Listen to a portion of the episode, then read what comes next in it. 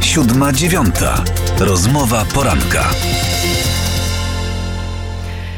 Gościem poranka siódma dziewiąta jest Michał Potocki z Dziennika Gazety Prawnej. Dzień dobry. Dzień dobry. Coraz głośniej mówi się o możliwej e, agresji Rosji na Ukrainę.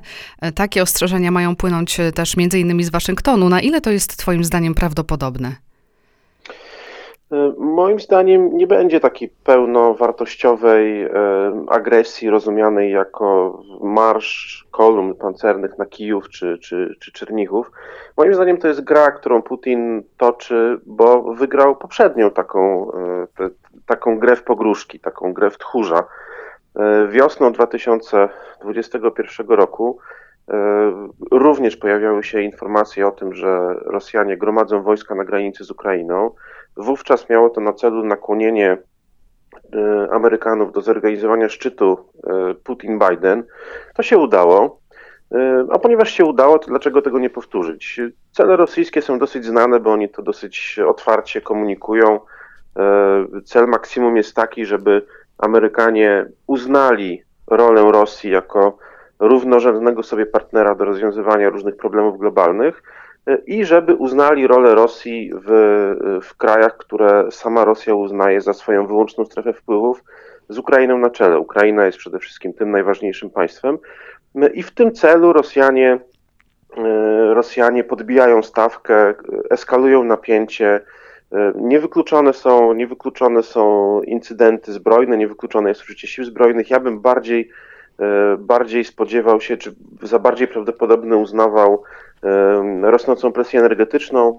E, Wszyscy wiemy o tym, że e, Gazprom stara się przesyłać na zachód jak najmniej gazu, e, tak mało gazu, jak tylko, jak tylko można, żeby jeszcze nie łamać kontraktów z państwami e, e, europejskimi.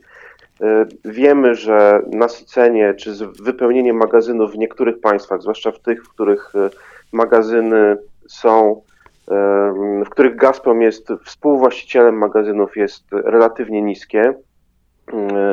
Wiemy, że sama Ukraina ma duży problem z, z zapasami różnych surowców energetycznych, przede wszystkim akurat węgla, co jeżeli zima będzie ostra, no, może ułatwić Rosji wykorzystanie również presji energetycznej. E, Ja bym się spodziewał raczej agresji na Ukrainę takiej e, mm, w przenośnym rozumieniu tego słowa, to znaczy energetycznej. Incydenty zbrojne również, mm, nie wykluczam, że do czegoś takiego dojdzie, natomiast pełno takiej pełnowartościowej, e, pełnowartościowej agresji z kolumnami pancernymi raczej nie, bo, bo, bo to by było wbrew rosyjskim interesom. A też poza tym nie należy zapominać, o czym zresztą sami Ukraińcy jeszcze do niedawna mówili, dopóki się nie okazało, że, m, że, że podjęcie tego tematu jest dla nich również korzystne politycznie, że agresja rosyjska na Ukrainę trwa od e, 2014 roku. To się nigdy nie skończyło. Tam dalej giną ludzie na e, froncie na Donbasie. Giną co prawda w mniejszej ilości niż na początku, w 2014 roku i zimą 15, ale giną. Ta wojna nigdzie się nie skończyła, agresja rosyjska nigdy się nie, e, nie zakończyła. A jak na to wszystko reagują w Kijowie? Na te ostrzeżenia i te koncentracje wojsk? Kijów na początku, Kijów na początku jeszcze jakiś miesiąc temu mm, prostował informacje, które wtedy publikowały, które wtedy zaczę, zaczęły publikować amerykańskie media. Najpierw Washington Post, y, Politico, nawet z dokumentacją fotograficzną. Wówczas Ukraińcy mówili, nie, nie, to jest dezinformacja. Y, Później zmienili zdanie, później podchwycili y, ten, ten trend opowieści o tym, że czy te, takie narracji, że, że grozi, że zagrożenie taką inwazją pełnowartościową jest, jest najwyższe od, od lat. Y, Nawet zaczęli podawać daty, że najprawdopodobniej byłby to styczeń bądź luty 2022 roku. Y, Natomiast mam wrażenie, że to się zmieniło. No są takie dwa momenty, do których możemy przyporządkować na osi czasu przyczynę tej zmiany. Pierwsza to jest, pierwsza to jest, mm, to są kontakty na wysokim szczeblu pomiędzy, pomiędzy ukraińskimi władzami a Amerykanami, Y, a druga to jest ujawnienie przez, przez, przez y, konsorcjum dziennikarskie Bellingcat y, roli ukraińskich władz w przede wszystkim Urzędu Prezydenta, Biura Prezydenta w mm, uniemożliwieniu przeprowadzenia akcji ściągnięcia na Ukrainę rosyjskich najemników, którzy walczyli w Donbasie. To są ci, ta grupa Wagnerowców, którzy zostali zatrzymani na Białorusi tuż przed wyborami prezydenckimi w takiej atmosferze skandalu. Białorusini wydali ich ostatecznie Rosji. Jak się okazało, to była operacja ukraińska pod fałszywą flagą. To się nie udało, zostało to udaremnione. Okazało się, że Bellingcat, zgodnie z, tego, zgodnie z tym, co ujawnił, najprawdopodobniej ślady tej, tej, tej porażki wiodą do biura prezydenta, co wywołało na Ukrainie burzę. I taka konsolidacja narodu wokół zagrożenia zewnętrznego jest y, takim dosyć oczywistym manewrem, który wielokrotnie przez ukraińskie władze, zarówno te, jak i poprzednie, za czasów Petra Poroszenki był stosowany, tym bardziej, że on się opiera na fakcie, bo tak jak podkreślam, zagrożenie rosyjskie nie minęło. Ono trwa, e, ono przybiera różne formy, może przybrać również formę zbrojną, aczkolwiek chyba nie taką, o jakiej, o jakiej, o jakiej piszą y, zachodnie media ostatnio. Powiedzmy jeszcze, mm, porozmawiajmy trochę e, o, o Białorusi, o tej sytuacji na polsko-białoruskiej granicy. W jakiej sytuacji jest teraz e, Aleksander Łukaszenka? On osiąga co chce, czy się przeliczył? To zależy o którym celu realizowanym przez Łukaszenkę mówimy. Bo jeżeli mówimy o. Y, bo tych celów jest kilka. Zresztą mówiliśmy chyba też o tym na, w, w, w programie 7-9 poprzednich naszych spotkaniach wirtualnych. E, dlatego, że z jednej strony taki bezpośredni cel, znaczy nie udało się Łukaszence otworzyć takiego pełnowartościowego kanału przerzutowego, dlatego że wciąż przekroczenie granicy białorusko-unijnej jest e, relatywnie trudne. To znaczy, e, ten odsetek przekroczeń granicy, on nie jest nie jest tak wysoki, jakby, jakby chcieli tego Białorusini, chociaż nie jest też prawdą z kolei narracja naszych władz, czy, czy że ta granica jest szczelna. O tym, że nie jest do końca szczelna, świadczą liczby ubiegających się o azyl w Niemczech, e, którzy przekroczyli właśnie granicę polską. Albo zatrzymywanych migrantów gdzieś tam w samochodach poukrywanych, Albo chociażby tak, w Polsce zatrzymywanych, zatrzymywanych już poza strefą nawet stanu wyjątkowego, a także przede wszystkim, i myślę, że to, to jest właśnie e, też przesłanka, żeby, żeby mówić o tym, że ta granica nie jest szczelna, liczby osób, którzy, liczby kierowców różnych tam busów i samochodów, którzy są zatrzymywani albo z migrantami na pokładzie, albo jeszcze bez. O tym też Straż Graniczna nasza komunikuje regularnie. W związku z czym, w związku z czym, natomiast tym niemniej, no nie, tym niemniej ten opór, który, który jest stawiany przez polskich i litewskich pograniczników, e, tego się chyba Łukaszenka nie spodziewał, w związku z czym nie można tego uznać za pełnowartościowe zwycięstwo. Natomiast w sensie finansowym to dalej jest atrakcyjne, dlatego że ci ludzie, dlatego że białoruskie państwo, no mówiąc wprost, ściąga haracz z każdego E, z każdego przyjeżdżającego migranta. Białoruś zawsze dosyć merkantylnie podchodziła do takich kwestii i to się udaje.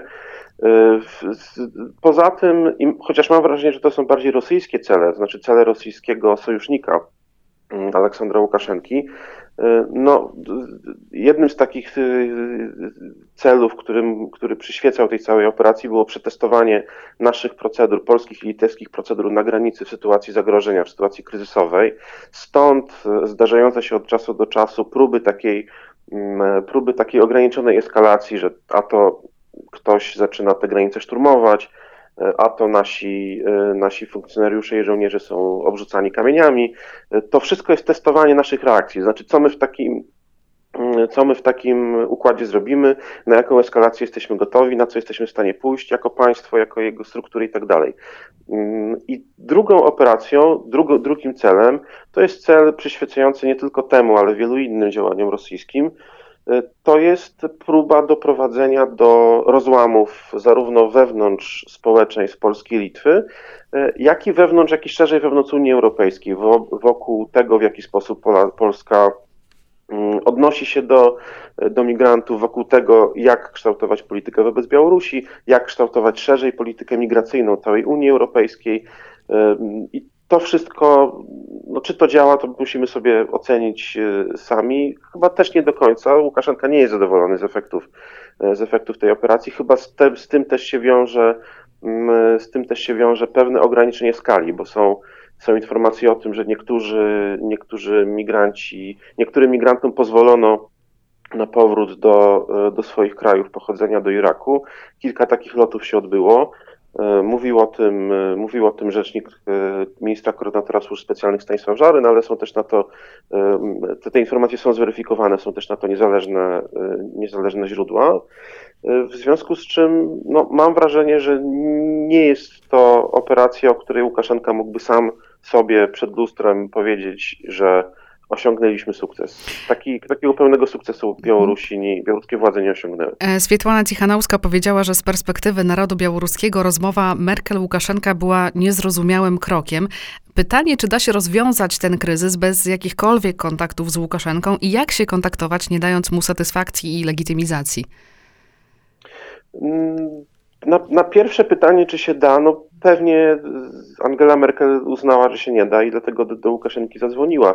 I fakt, że właśnie po tej rozmowie nastąpiła pewna, bardzo ograniczona wciąż, bo ten kryzys się nie skończył, mm, ale pewne uspokojenie, no też nie jest przypadkiem. To znaczy, że ta rozmowa, ta, ta rozmowa jakiś skutek e, miała.